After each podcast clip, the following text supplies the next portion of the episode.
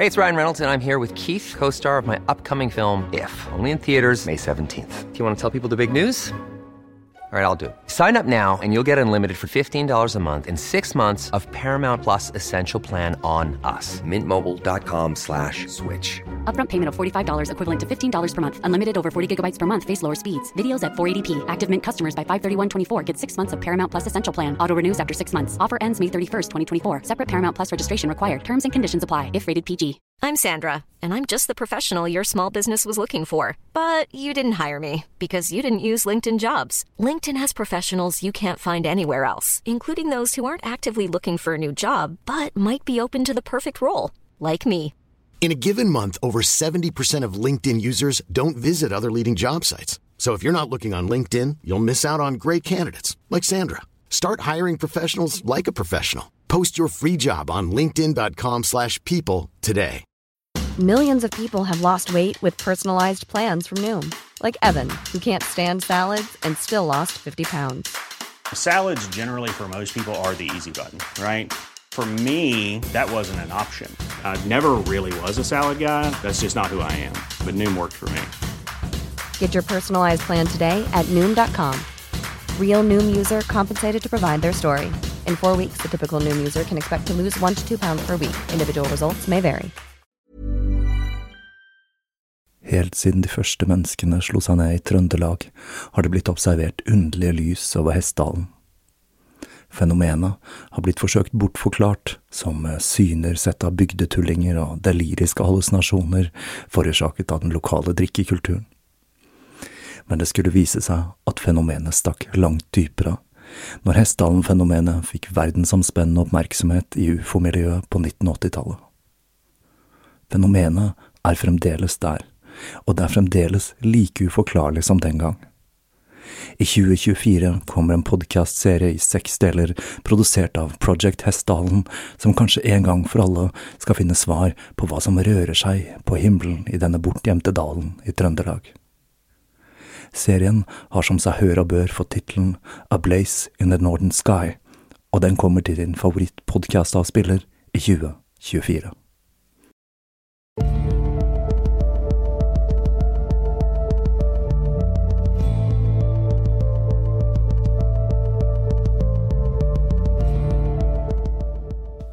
Hei og velkommen til Tåkeprat. Jeg heter Even, og når jeg tar opp denne episode 147, så er det søndag den 22. november 2020. Da er vi altså kommet til den aller siste delen av historien om baron Ungarn Steinberg. Og nå begynner historien virkelig å stramme seg til.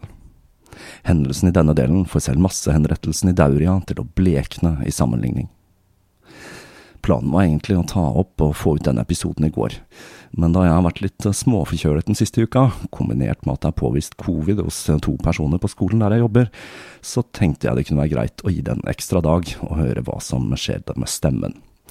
Og i dag, søndag, så ser det etter alle solmerker ut til at jeg kun er forkjøla, og stemmen er mer eller mindre tilbake til normalen, om enn ikke noe rusten. Så da tenkte jeg det var verdt å gi denne episoden et forsøk. Og da tenker jeg vi bare kaster oss rett ut i det siste og svært så brutale kapitlet i historien om Den hvite baron.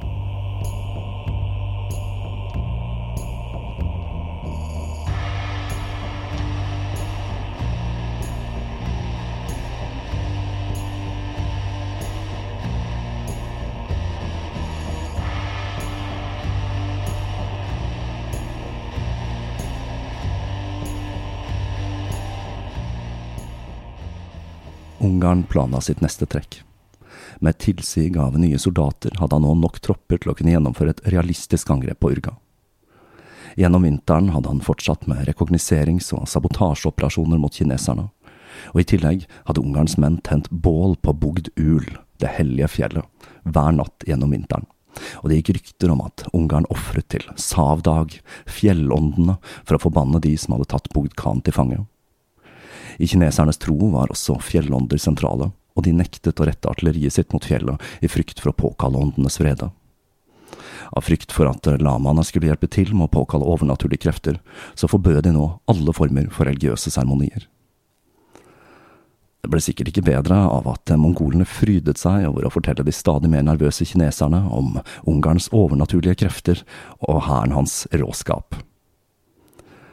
Ungarn startet det hele med å sende en stor gruppe for å engasjere kineserne på nordsiden av byen den 18. januar 1921. Dette var en avledningsmanøver som skulle lure dem til å tro at hovedangrepet ville komme fra nord, mens Ungarn han planla det egentlige angrepet fra sør og øst. Urga var ikke en spesielt strategisk lett forsvarlig by. Den lå i en dal med fjell på begge sider. Det eneste naturlige hinderet var Tulaelven, men nå var det vinter, og denne var fryst. Byen hadde blitt spart for angrep fordi mongolene hadde en stor respekt for den som et hellig sted. Den hadde heller ingen bymurer eller noen andre sterke forsvar. For mongolene så var dette en uting. Det å gjemme seg bak murer ble sett på som feigt, og noen av de verste massakrene utført av mongoler ble utført når de hadde klart å ta en by etter en lang beleiring der befolkningen hadde gjemt seg bak murene. Kineserne derimot, de kunne, som vi vet, dette med å bygge murer. Og noe av det første de gjorde da de okkuperte Urga, var nettopp dette. De kinesiske troppene hadde forskanset seg i en halvmåneform rundt den sørlige delen av Urga, bak et nettverk av skyttergraver, gjerder, piggtråd og barrikader.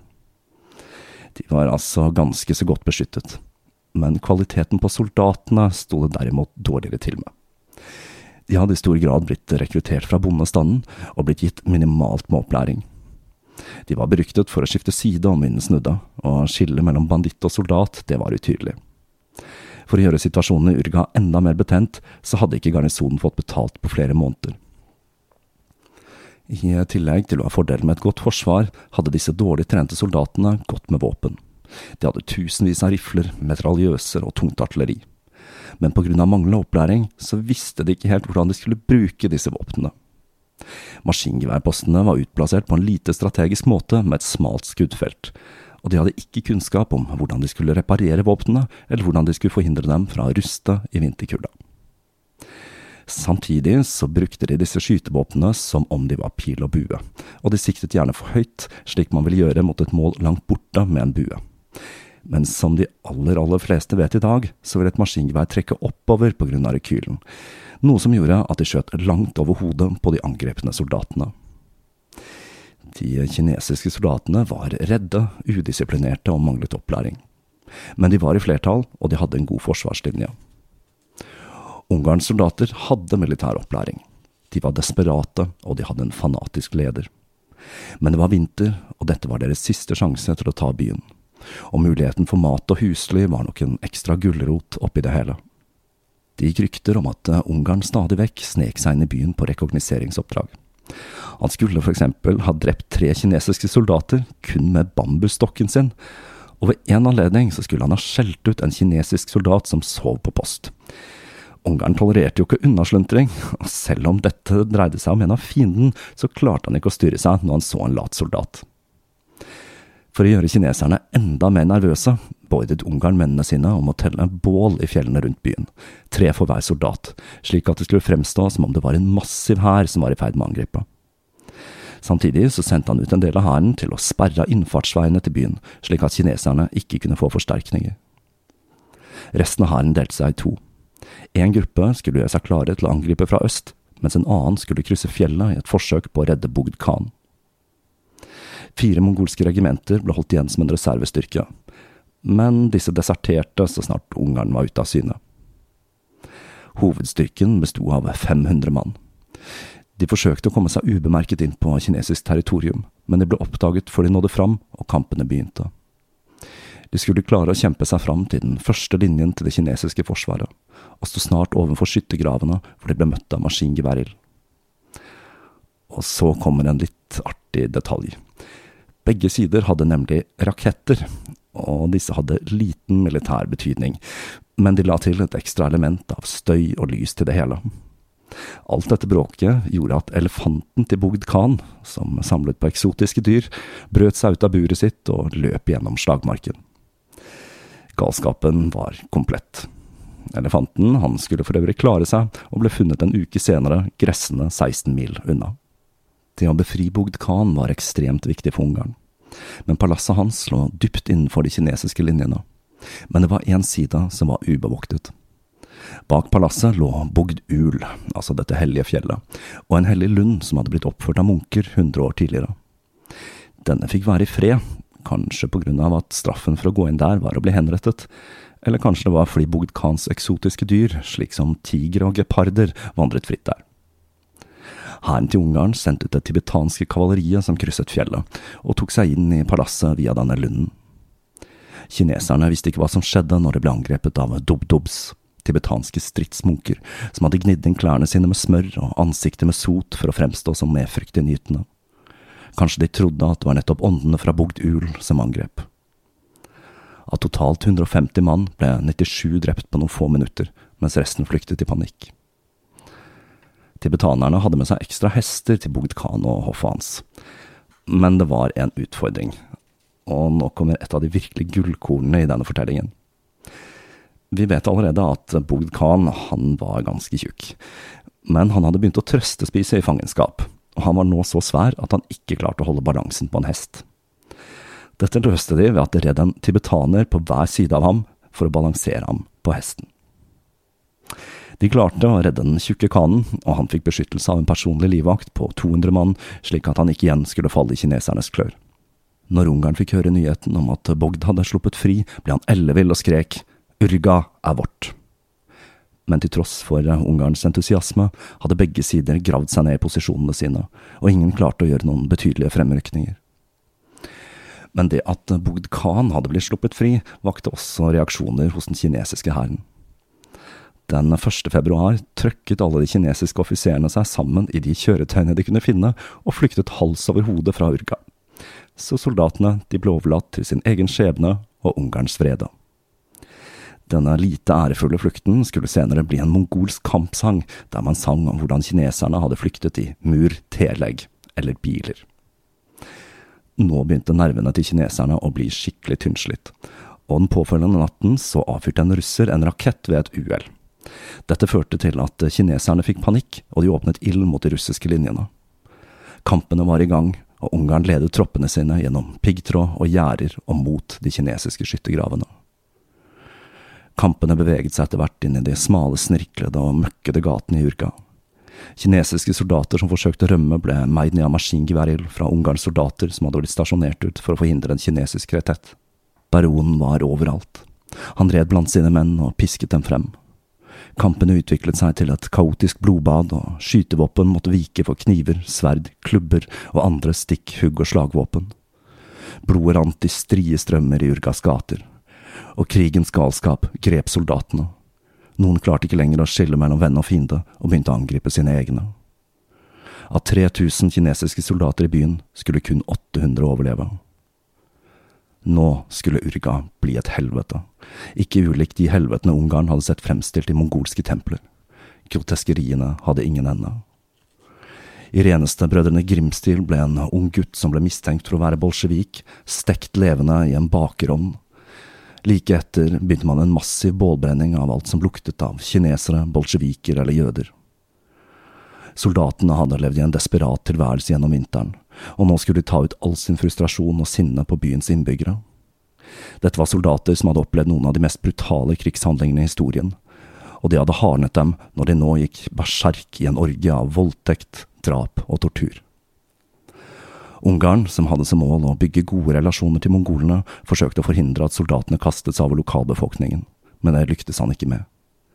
Byen var et eneste stort alter til krigens gud, det ble ikke skilt mellom etnisitet, alder og kjønn.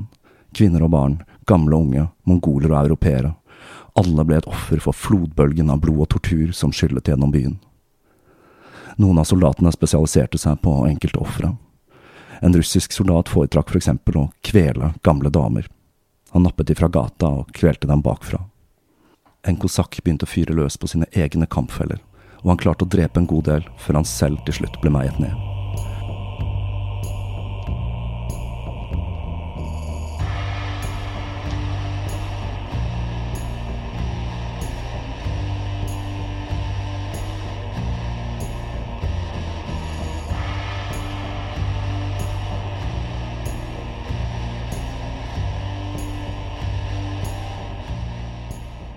Helvete pågikk i tre dager, før Ungarn beordret at plyndringen skulle stoppe, og på grunn av hans knallharde disiplin så lyktes han med dette.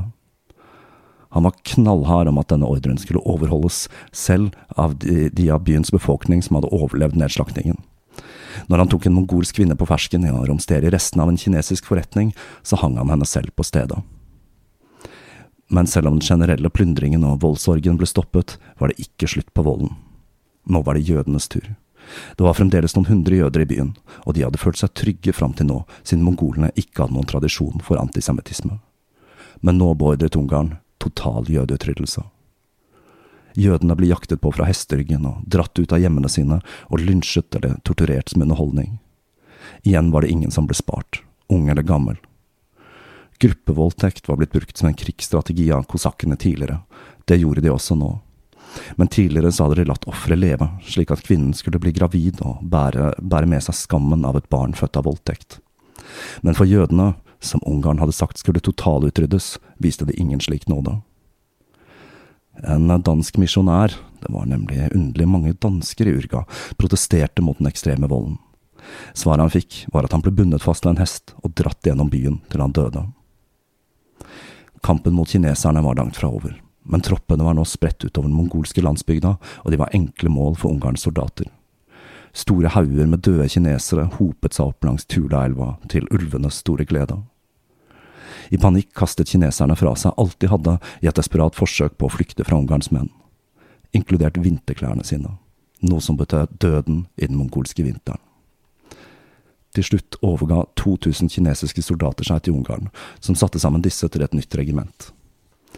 Men eh, de kinesiske soldatene ble så satt ut av Ungarns ekstreme disiplin at de deserterte straks de hadde muligheten.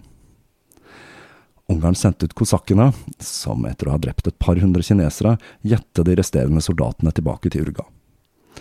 Noen overga seg og ble igjen soldater under Ungarns kommando. Noen ble mistenkt for å være revolusjonære og ble hengt, men en liten gruppe klarte å flykte tilbake til kinesiske territorier.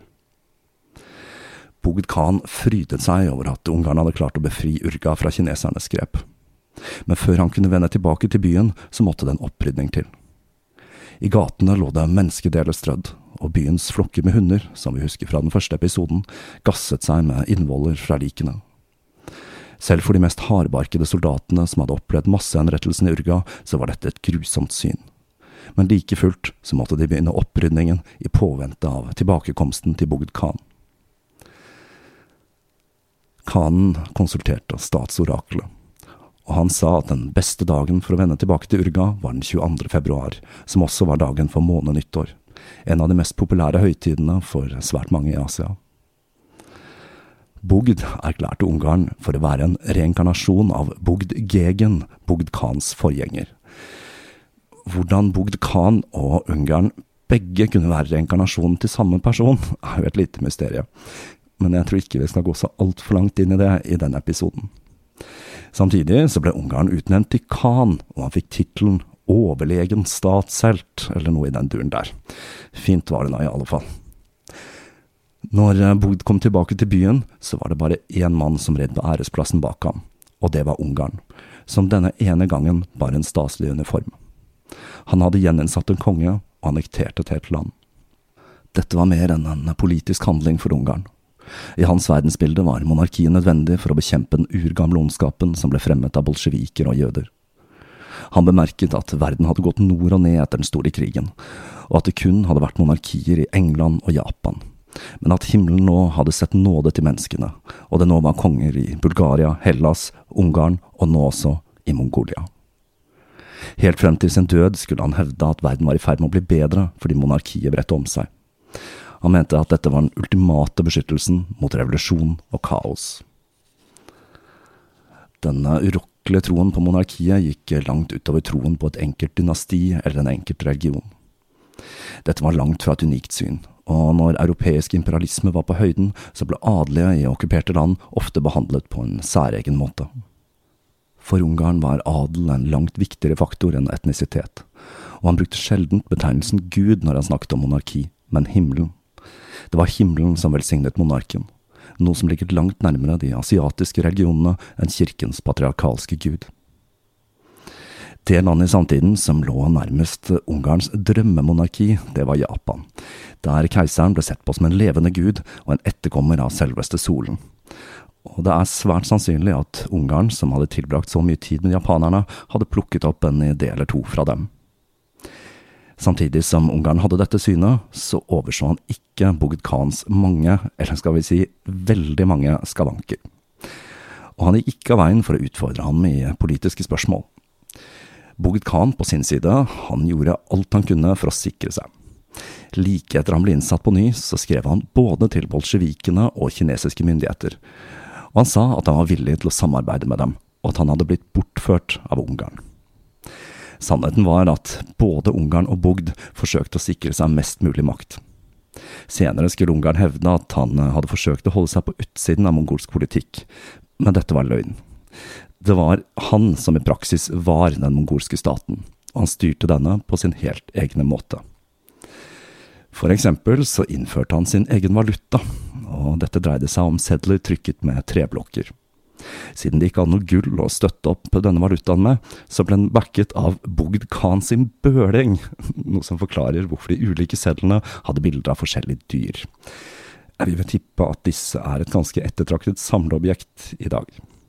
Denne valutaen, som ble omtalt som baroner, sank i verdi parallelt med Ungarns popularitet. Til tross for at han nå hadde flere adelstitler, var en løytnantgeneral og diktator over Mongolia, så holdt Ungarn på sin asketiske livsstil. Han holdt til i et toromshus som hadde blitt konfiskert fra en kinesisk kjøpmann. Huset var spartansk innredet med kun et par trebenker, en pult og en pinnestol, og det var i så skrøpelig forfatning at strimler med papir hadde blitt brukt for å tette hull i vinduene. Igjen så kledde han seg i den tradisjonelle mongolske deal, og det eneste som avslørte at mannen hadde en høyere rang, var Sankt Georgskorset som han hadde båret siden den store krigen, og en rubinring preget med et svastika han hadde fått av Bogd Khan. Ungarn brukte mye av tiden på inspeksjoner i byen og områdene rundt, og han hadde rekvidert seg en bil, en Fiat, til dette formålet.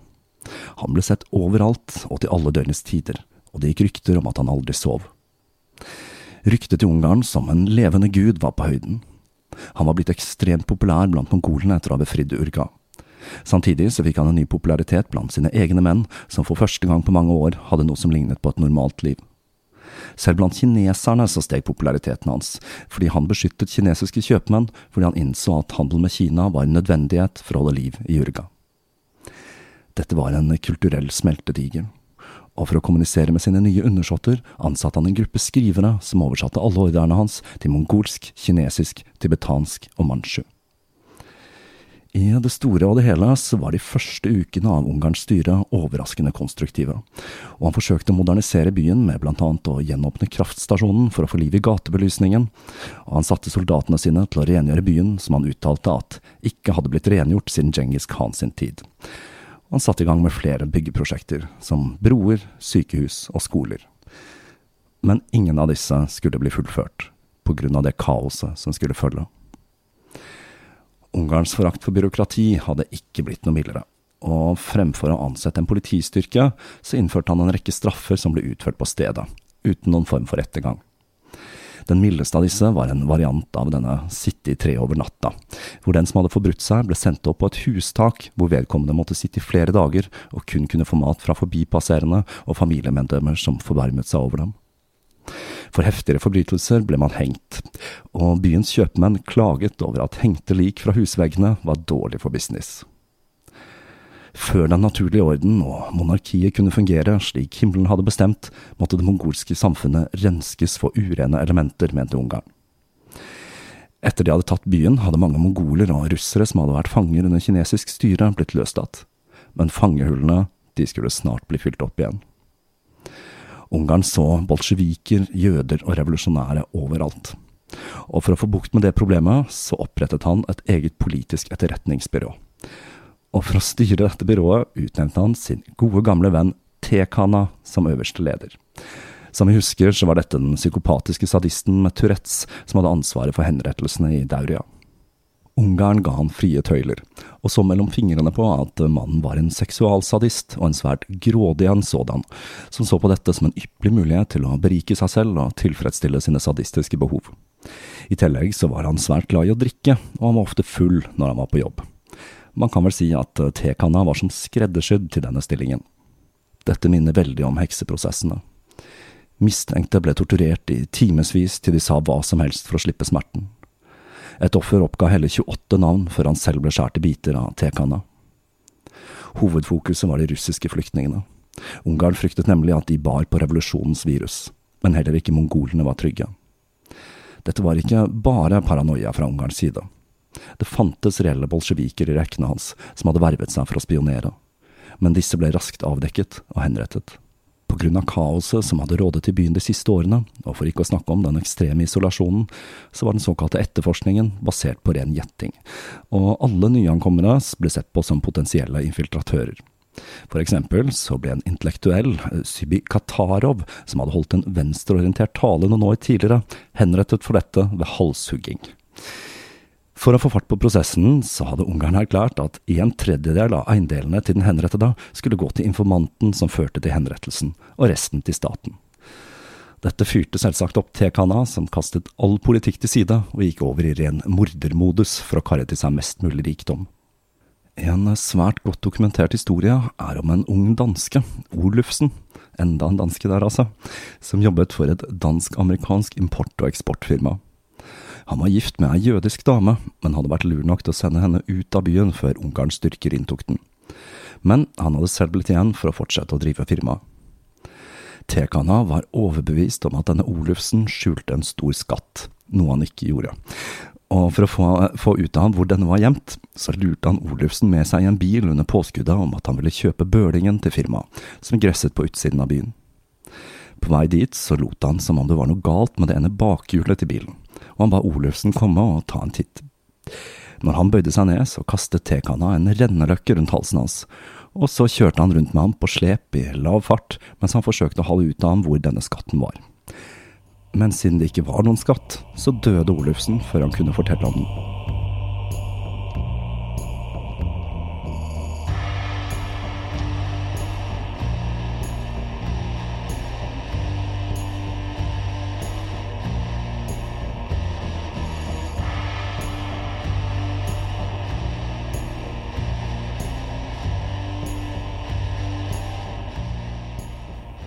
Totalt ble 250 til 350 mennesker drept av Tekanas byrå. Alle som hadde noe av verdi, var et mål, og de fleste ble drept for å forhindre klager. Det er jo for så vidt en ganske grei kundeservicepolicy, det der, men neppe bærekraftig i lengden. Folk begynte å flykte mannen av huset fra Tekanas herjinger. 1300 flyktet til Manchuria, og nesten 15 000 flyktet til Kina. Selv Ungarn begynte å bli bekymret over Tekanas brutalitet. Han fortet seg når han gikk forbi bygget der avhørene og torturen ble utført. Der kunne man døgnet rundt høre skrikene til de som ble pint, og han besøkte selv aldri torturkamrene. Det gikk et rykte om at Ungarn hadde blitt fortalt av en sibirsk sjaman at han selv kom til å dø like etter tekanna, og dette var grunnen til at han tolererte herjingene hans. Men eh, sannheten var nok langt eh, enklere. Byrået innbrakte nemlig betydelige summer til statskassa. Ungarn hadde sine egne metoder for å finne revolusjonære. Han hevdet at han hadde en overnaturlig evne som gjorde at han kunne se hvem som var revolusjonære, bare ved å stirre på dem. Men eh, denne mystiske evnen, som igjen gir assosiasjoner til hekseprosessene, var langt fra så nøyaktig som Ungarn selv hevdet. Det var ikke bare Urga som var preget av Ungarns terrorvelde. Han mente at hele Den hvite armé ville gå til grunne dersom det ikke ble samlet under én enkelt leder, dvs. Si ham selv. Så han sendte ut dødsordre på et par hundre hvite ledere han Millions of people have lost weight with personalized plans from Noom, like Evan, who can't stand salads and still lost 50 pounds. Salads, generally, for most people, are the easy button, right? For me, that wasn't an option. I never really was a salad guy. That's just not who I am. But Noom worked for me. Get your personalized plan today at Noom.com. Real Noom user compensated to provide their story. In four weeks, the typical Noom user can expect to lose one to two pounds per week. Individual results may vary. I'm Sandra, and I'm just the professional your small business was looking for. But you didn't hire me because you didn't use LinkedIn jobs. LinkedIn has professionals you can't find anywhere else, including those who aren't actively looking for a new job but might be open to the perfect role, like me. In a given month, over 70% of LinkedIn users don't visit other leading job sites. So if you're not looking on LinkedIn, you'll miss out on great candidates like Sandra. Start hiring professionals like a professional. Post your free job on linkedin.com/people today. Det var potensielle revolusjonære. Til tross for eh, Ungarns iherdige forsøk på å utrydde bolsjevikene fra Mongolia, så fantes det noen reelle bolsjeviker der. To av disse, og her kommer to navn jeg bare kommer til å forsøke meg på å uttale én gang i løpet av denne serien, det var Damdin Shubatar og Krologin Kuibalsan. De to der, altså. De hadde sammen med andre etniske minoriteter oppsøkt bolsjevikene for å få hjelp til å befri landet sitt. Det hadde gjort at de to hadde blitt indoktrinert med marxistisk-leninistisk doktrine, og de dannet det mongolske folkepartiet. Men bolsjevikene syntes først at de hadde mer enn nok med å forsøke å holde på Russland. Mongolia var litt utenfor deres rekkevidde, og de var engstelige for en konflikt med Kina. Alt dette skulle endre seg med Ungarns inntog, og en kombinasjon av frykten for en permanent hvit base og Ungarns brutalitet gjorde at Mongolia nå ble et strategisk viktig mål. Allerede i november 1919 hadde Den røde armé begynt å gjøre seg klare for et inntog i Mongolia for å knuse styrkene til Ungarn. Men pga. ødelagt infrastruktur og senere det planlagte russiske angrepet på Polen i 1921, når troppene flyttet seg fra øst til vest, så ble planen skrotet. Men med Ungarns inntog i Urga begynte Russland å støtte den revolusjonære mongolske armeen med penger og våpen. Denne hæren, som besto av 20 mann, red under et rødt og et gult banner. En for kommunisme og en for buddhisme. Hæren vokste, og etter hvert skulle de klare å ta Kiatka den 18. mars, med kun noen få hundre mann. Dette var en handelsby på den nordlige grensen som var okkupert av kinesiske soldater som hadde flyktet fra Ungarn. Ryktet om at en revolusjonær hær hadde tatt en mongolsk by, spredte seg raskt. Og selv om disse kommunistbuddhistene hevdet at de sto på den rette siden av troen, så omtaler Bogd Khan dem som pestbærere. Ungarn på sin side, han hadde andre ting å tenke på. Han var nemlig opptatt av å forsøke å opprettholde handelen med Kina for å holde liv i Urga. Mens alt dette skjedde, så skulle en person som er et av de minst troverdige vitnene til Ungarn dukke opp. Den polske geologen, forfatteren og nasjonalisten Ferdinand Antoni Osentowski. Dette var en fyr som hadde blitt utdannet i St. Petersburg, og i likhet med Ungarn så var han veldig opptatt av teosofi og Østens mystikk. Han var til og med en venn av fader Jon av Kronstadt, denne antisemittiske kristne mystikeren jeg mener vi stiftet bekjentskap med i Rasputin-serien. Når den første verdenskrig brøt ut, så hadde han støttet Russland, og han skrev antitysk propaganda. Han hadde flyktet fra Russland etter revolusjonen, og hadde til slutt endt opp i Mongolia. Han hadde hørt ryktene om baronen, og han ble litt nervøs når det lå en pøl med blod som enda ikke var størknet ved inngangspartiet til baronens spartanske bolig når han skulle møte han for første gang. Men Ungarn han godkjente ham med sitt mystiske blikk. Det var kanskje godt at han ikke visste at mannen hadde vært involvert i en venstreradikal revolusjonær gruppe i 1905. Osentowski skulle bli et av de få menneskene som ble en nær venn av Ungarn, og de to hadde lange diskusjoner om mystisisme og filosofi. Osendowski, som hadde utdannelse innen kjemi, tilbød seg å lære soldatene til Ungarn hvordan man skulle lage giftgass, og med det så fikk han tilnavnet Professoren. Osendowski var en dyktig historieforteller. Problemet var at han også hadde en ganske frisk fantasi, og mye av det han skrev var ren fiksjon.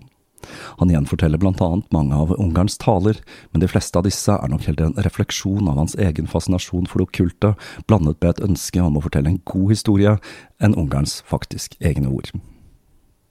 Selv om de hvite troppene hadde underkastet seg Ungarns ledelse, opererte mange av dem autonomt.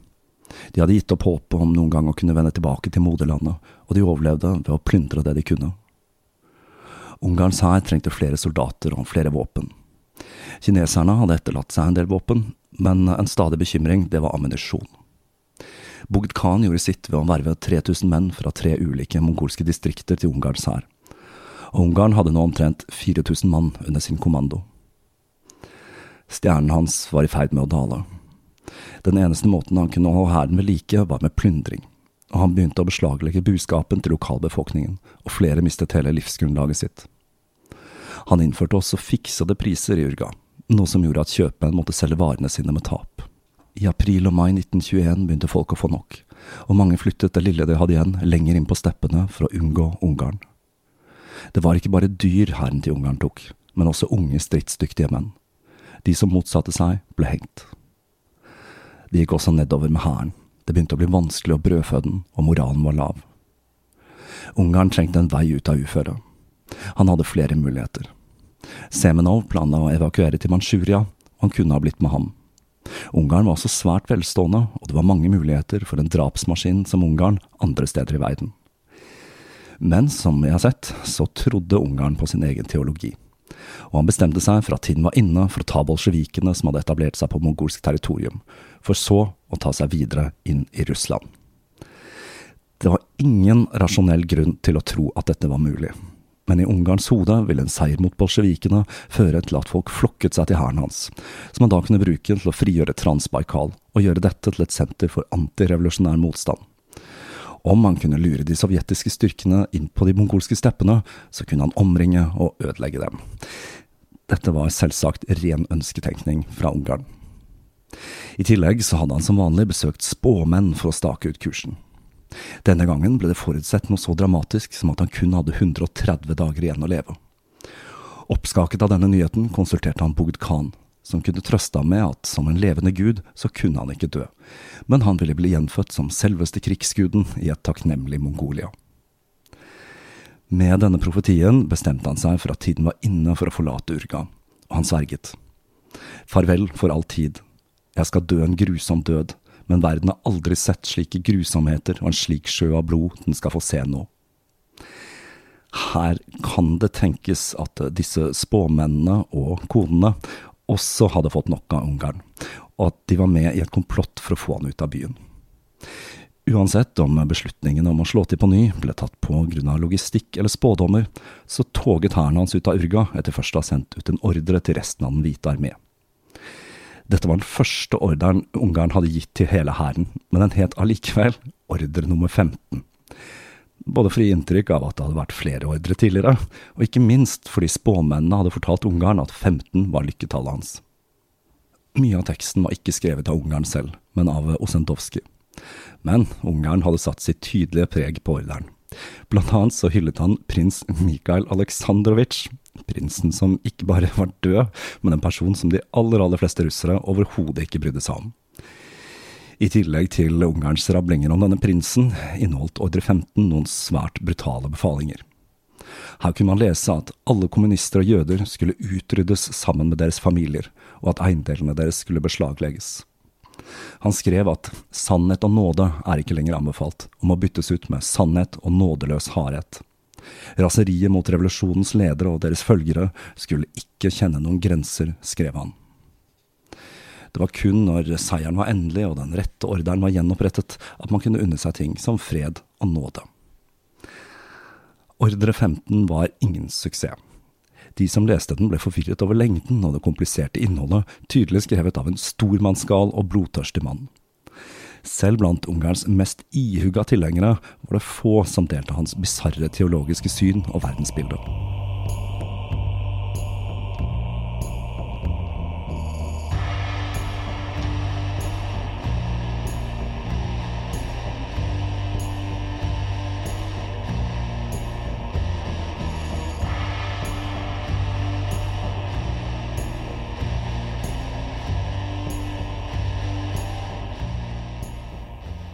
Hæren red ut den 21. mai 1921 med et følge kameler som bar oppakningen. Det var mange som ble med kun av frykt for å bli henrettet om de skulle forsøke seg på å desertere. Målet var Kjatka, byen som hadde blitt tatt av bolsjevikene og det mongolske folkepartiet i mars.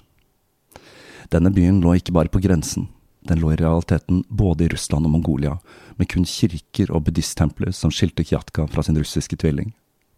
Denne gangen var det ikke en gruppe skrekkslagne, uerfarne bønder de skulle kjempe mot. Hoveddelen av styrken i byen var den 35. divisjonen av Den røde armé, en gruppe som i likhet med Ungarns menn var hardnet av årevis i strid. De var under kommandoen til den latviske Konstantin Naumann, en veteran som skulle utmerke seg som en av de store sovjetiske generalene i den andre verdenskrig. Nå som Den hvite armé var i knestående, var det de holdt på med ren rutinemessig opprenskning av området. De var overlegne tallmessig i forhold til Ungarns hær, med 8000 mann, tre ganger så mange som han. I tillegg så hadde de langt bedre utstyr, og de hadde gravd seg godt ned i forsvarsposisjoner med ordre om å ikke starte krigshandlinger før Ungarn angrep. Ungarn han hadde jo planlagt å lokke hæren med seg inn på steppene, men dette skulle ikke bli noe av. Og kamphandlingene de startet da en mongolsk prins, Bayar Gun, på Ungarns side angrep den 1. juni for å få has på sine forræderske landsmenn. Hele divisjonen hans ble meid ned, og Ungarn han erstattet han med en annen mongolsk prins, som var dum nok til å stille spørsmål ved om denne kampen kunne vinnes. Det resulterte i at Ungarn begravet han levende. Resten av hæren ville angripe umiddelbart, mens de fremdeles hadde et visst element av overraskelse. Men Ungarn hørte ikke på det øret. Han forhørte seg med spåmennene sine, som sa at den beste datoen for å angripe ville være den 11. juni. Dette ga den Røde armé tid til å organisere seg og utplassere artilleriet sitt.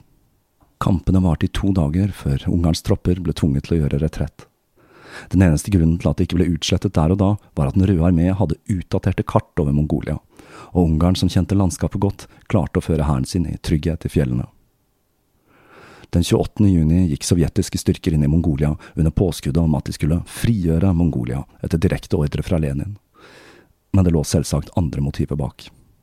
De fryktet at Mongolia skulle bli et arnested for geriljasoldater fra Den hvite armé, og samtidig så trengte de en buffersone mot Kina og Japan. 10 000 mann fra Den røde armé marsjerte mot Urga, fulgt av rekognoseringsfly og stridsvogner. Bogd Khan underkastet seg kommunistene, og han var mer enn villig til å bygge opp under historien som ble fortalt av den invaderende hæren, nemlig at han kun hadde vært et redskap i hendene til Ungarn, og at han ikke hadde noe skyld i hva som hadde skjedd i Mongolia. Han fikk beholde sitt privilegerte liv, og selv om han mistet sin politiske makt, så var han en symbolsk monark, og landet fikk beholde buddhismen som sin statsreligion. Lite visste han at templer skulle brennes og lamaer skulle myrdes i regi av deres nye kamerater i løpet av de neste 20 årene. Det var sommer, og på samme måte som vintrene var kalde, var sommeren i Mongolia preget av dirrende hete. Hæren til Ungarn hadde trukket seg tilbake fra fjellene og søkt tilflukt i et myret område som var infisert med slanger, noe som viste seg enda dødeligere for hestene enn for soldatene. Over dem suste fiendens fly, som innimellom slapp ned bomber. Det var en grim og deprimerende tilværelse. Flere hvite styrker sluttet seg etter hvert til dem, blant annet Kutteren, som vi husker fra tidligere i historien. Han hadde brukt tiden Ungarn hadde tilbrakt i Urga på å slakte kommunister, og det gjorde han med å imitere Ungarns brutale metoder. I en av landsbyene de kom til, hadde bolsjevikene flyktet like før de kom. Så han hengte en tilfeldig gammel mann istedenfor, før soldatene hans gruppevoldtok den eneste kommunisten som var igjen, landsbyens lærerinne, som til slutt ble henrettet. Ungarn hadde ikke lenger noe territorium, få allierte, og han sto overfor en massivt overveldende hær. Det eneste fornuftige han kunne gjøre i den situasjonen, der de satt i myra og ventet på å bli drept, var å flykte til Manchuria, men flukt var ikke i Ungarns tanker. Han hørte rykter om at Semenov sammen med japanerne hadde startet et nytt angrep i øst, og at de holdt på å ta seg innover russiske territorier. Dette stemte godt overens med en profeti i Bibelen han var overbevist at handlet om akkurat denne kampen mot bolsjeviker og jøder, så han bestemte seg for å føre hæren tilbake inn i Russland for å slutte seg til Semenovs tropper. Samtidig var han overbevist om at han hadde det strategiske overtaket på grunn av hans urokkelige tro på kavaleriets mobilitet, og han var sikker på at de russiske bøndene ville slutte seg til dem ved den første muligheten til å få innsatt en ny monark, mye på grunn av tilståelser han hadde torturert fram fra fanger. Ungarns ville planer om å ta Russland på egen hånd og slutte seg til en angrepende hær som ikke fantes, falt som dere sikkert kan tenke dere, ikke god jord hos soldatene. Det var bare noen ytterligere ytterst få som syntes dette var en god idé, blant annet kutteren. For å forhindre desertører strammet Ungarn enda mer inn på disiplinen, og mang en soldat tilbrakte netter i trær, og mange ble slått i hjel med bambusstokken. Ifølge Ungarn selv så gikk dette på skinner. Han hadde ca 2000 soldater igjen, og han klarte faktisk å få styrkene sine over på russisk side. I grenseområdene var det små, spredte landsbyer med kun noen få hundre innbyggere i hver. De fleste hadde flyktet når de fikk nyss om at Ungarn og hæren hans var på vei, men ikke alle. Og Ungarn gikk hardt ut mot landsbyer han mente hadde sympati for de røde, og det var de aller fleste. Landsbyene ble brent, og menn, kvinner og barn ble henrettet. I en landsby stengte han hele befolkningen inne i en låve, før han satte fyr på den og menneskene inni. Han sto og betraktet låven i skrikene fra de døende mens han messet buddhistiske bønner. Den røde armé hadde tatt området rundt buddhistklosteret Gusino og Zero, og Ungarn følte at det ville være en god moralboost for hans mongolske tropper om de klarte å ta tilbake dette. Og det klarte de. Ungarn ble spesielt imponert over hvordan noen soldater i Den røde armé valgte å skyte seg selv fremfor å bli tatt til fange. Dette var hans egen idealdød. Men det var vel kanskje ikke så rart at de valgte denne enkle døden fremfor å bli torturert til døde av Ungarns lakeier, slik som tekanna. Alt må ha vært bedre enn tekanna. Bolsjevikenes ledelse ble tatt litt på senga av at Ungarn plutselig dukket opp igjen, da de anså hæren hans for å ha blitt knust. Men de svarte med å mobilisere på ny, og de sendte tusenvis av menn for å knuse den siste rest av Ungarns styrker. Hæren til Ungarn ble revet i stykker av russiske angrep og bombetokt, og den 4. august innså han motvillig at det russiske folket ikke ville støtte han slik han hadde trodd, og at historien om et nytt angrep fra øst var fiksjon. Han satte kursen tilbake mot Mongolia. Den 14. august krysset han grensen med kun 500 mann. Resten hadde enten blitt drept, tatt til fange eller desertert. Ungarn red først i følge. Han hadde mistet mesteparten av klærne og utstyret sitt. Han red i bar overkropp med et knippe buddhistiske amuletter dinglende på brystet. Han var ikke lenger en soldat, men en hellig kriger. Igjen var det å flykte til Manchuria en mulighet, men det ville ikke Ungarn høre noe av. Han bestemte seg derimot for at de skulle dra til Tibet. Selv kutteren syntes dette var litt drøyt, og han forsøkte å forklare at det å krysse Gobiørkenen uten forsyninger var selvmord. Men Ungarn svarte kun at tap av mennesker skremte ham ikke, og avgjørelsen, den var endelig. Ungarns avgjørelse om å dra til Tibet hadde ingenting med logikk å gjøre. Tibet var et hellig land som passet perfekt inn i hans mystiske visjoner av Østen. Nå fikk hæren nok, og snakk om mytteri begynte å bre om seg. En gruppe offiserer, 15 eller flere, mange som hadde vært med han siden Dauria og hadde blitt ved hans side av grådighet og frykt, bestemte seg for enten å få Ungarn til å endre mening, eller henrette ham. Den 19. august slo hæren leir.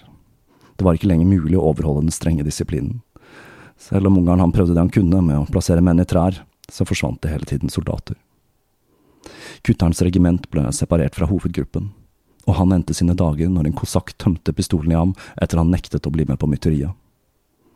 Det ble avgjort at de måtte handle samme kveld, slik at Ungarn ikke skulle få nyss om hva som hadde skjedd. Mytteristene dro til Ungarns telt og stelte seg opp med geværet rettet mot teltåpningen før de ropte på han. Men den som kikket ut, var ikke Ungarn, men en av oberstene hans. Ungarn hadde nemlig mistenkt at det var noe på gang, og han hadde byttet telt. Når han kom ut fra teltet i nærheten, hvor han akkurat hadde konsultert spåmennene sine, så fyrte de løs. Men Ungarn han kom seg i dekning, og kaos utbrøt når snikmorderne fyrte løs på alt buskas i nærheten. Ungarn på sin side, han trodde at hæren var under angrep fra bolsjevikene. Mytteristene tok kontroll over hæren, og tok seg av Ungarns nærmeste, blant annet tekanna, med halshugging med sverd. Tekannas siste ord var meg, hvordan våger dere? Ungarn fant hesten sin, og red tilbake, fremdeles overbevist om at de var under angrep fra bolsjevikene. Han var rasende når han møtte på hæren sin, og forlangte å få snakke med tekanna. Han er dratt for å møte stabssjefen, var det kjølige svaret han fikk. Vi vil ikke til Tibet, vi vil østover, ropte de til han. Ingen i hæren hadde lenger noen sympati for Ungarn der han satt alene på hesteryggen framfor dem, men ingen turte å gjøre noe. Alle var som frosset i bakken. Alle bortsett fra Ungarn. Den første som reagerte, var adjutanten til Ungarn, Makev. Månen brøt gjennom skyene, og i månelyset kunne han se øynene til Ungarn lyse med en djevelsk ondskap som fikk han til å våkne fra transen. Han siktet og fyrte av, men bommet. Med det skuddet var det som om soldatene våknet, og alle åpnet ild, med rifler, pistoler og maskingevær. Men mirakuløst nok ble ikke Ungarn så mye som såret. Kanskje han virkelig var skuddsikker, eller kanskje det var frykten som gjorde at ingen turte å skyte sin tidligere leder. Ungarn flyktet og red av gårde for å finne sine mongolske tropper i håp om at de fremdeles var lojale, men der skulle han bli skuffet. Der ble han til sin store overraskelse bakbundet og satt på en hest. Da han oppdaget at de var i ferd med å ri inn i de røde territoriene, forsøkte han å advare dem, men de lot som de ikke hørte ham. Og når de ble overmannet av kavaleriet til Den røde armé, gjorde de ikke motstand. Det hele kan ha vært så enkelt som at de var utslitta etter tiden i Ungarns hær, eller at de planla å overgi seg. Soldatene fra Den røde armé inspiserte fangene. De hadde brukt de siste månedene på å lete etter Ungarn, en mann hvis rykte som en mystisk, grusom og brutal hærfører var godt kjent. Mannen de hadde fremfor seg, ubarbert og i loslitte mongolske klær, så ut som alt annet enn denne legenden. De trodde at dette dreide seg om en soldat fra Den hvite armé, eller kanskje en av deres egne som var blitt tatt til fange. Hvem er du? spurte en soldat. Jeg er baron Ungarn von Sternberg, kommandant av den asiatiske kavaleridivisjonen, svarte han skarpt. Forbløffet fortalte soldaten de andre hvem de hadde snublet over, og alle stirret i vantro på denne slitne mannen som satt framfor dem. Ungarn hadde ønsket å dø i strid, men han hadde med seg en ampulle med gift han kunne bruke dersom han ble tatt til fange. Den hadde vært festet til en knapp, men den hadde han mistet under den ville flukten. På vei tilbake til Russland skulle han forsøke å ta livet av seg to ganger, men ble stoppet av de røde soldatene. Avhørene av Ungarn begynte 10.00 den 23. august. Han innfant seg med å blitt tatt til fange, og innså at det var lite håp og at han ville bli henrettet om noen få uker. Han begynte å se på soldatene som hadde fanget ham, som sine likemenn, for militær disiplin, selv på feil side, det var noe han kunne respektere, og han fortalte dem at han respekterte organiseringen og ikke minst disiplinen de utviste. Han la ikke fingrene imellom, og fortalte gladelig om alle henrettelsene og de ulike straffene han hadde utført, men han insisterte på at det dreide seg om straff og ikke tortur. Ungarn ble sendt til den sibirske byen Novo-Nikolaevsk, senere Novosibirsk, hvor rettssaken skulle holdes. Han ble behandlet bra. Siden han var en såpass viktig fange, ble han vist fram til journalister, og menneskemengder dukket opp på togstasjonene de stoppet på, i håp om å få et glimt av denne beryktede mannen. Avhørene fortsatte under togreisen, og han kom med en lang strøm av fortellinger om hengninger, henrettelse og straff. Han fortalte at de drepte barna til ofrene sine, slik at de ikke skulle forsøke å ta hevn senere. I motsetning til mange andre så forsøkte han ikke å fornekte eller unnskylde handlingene sine. Tvert imot, han fortalte dem at han hadde en guddommelig plikt til å utføre ugjerningene. Når de stoppet i en by, fikk han en omvisning av noen kontorlokaler, hvor de ønsket å vise han hvor effektivt byråkratiet var. Da rynket han på nesen og sa det lukter hvitløk, hvorfor ansetter dere så mange jøder? Ungarn kom fram den 1. september og avhørene fortsatte, og han repeterte de samme fortellingene om grusomheten han hadde utført. Rettssaken ble avholdt den 15. september 1921. Det var liten tvil om utfallet til denne, men for det nye styret i landet var dette en ypperlig anledning til å illustrere hvor brutalt det gamle regimet hadde vært. En enorm menneskemengde på flere tusen var til stede for å se på saken. Og jeg vet ikke om dette er ironisk, eller om det var noe Ungarn satt pris på, men aktor i saken var en sibirsk jøde. Jeg vil vel tro at dette bekreftet Ungarns overbevisning om at hele revolusjonen var jødenes verk. Det ble ikke ansett som nødvendig med vitner, da Ungarn tilsto at han var skyldig, og han henvendte seg til dommere og aktorat med en stoisk kulde. Det eneste han nektet på, var at han hadde samarbeidet med Japan, og han nektet også å ha utført vold mot kvinner. Det at Ungarn hadde en egen teologi bak alt han gjorde, passet som hånd i hanske med russisk propaganda. Det samme gjorde det faktum at han la ut om sitt syn på arbeiderklassen. Han sa han mente de var dumme, late og ute av stand til å styre noe som helst. Ungarn ble dømt til døden, og straffen skulle fullbyrdes allerede samme kveld. Når han ble spurt om han hadde noen siste ord, svarte han jeg har ingenting å si. Han fikk en ren død, en bedre død enn de fleste av hans ofre. Det var kun han og eksekusjonspelotongen. Når Bogd Khan fikk høre om henrettelsen av sin gamle venn, beordret han at hele Mongolia skulle be for sjelen hans, og det trengte han sikkert. Etter Ungarns død skulle det spre seg rykter om hva som hadde skjedd under henrettelsen. En historie forteller at han hadde klart å flykte like før han skulle henrettes, og at han forsvant inn i de dype skogene i Sibir for å fortsette sin kamp mot den urgamle ondskapen han mente hadde grepet Russland og Europa.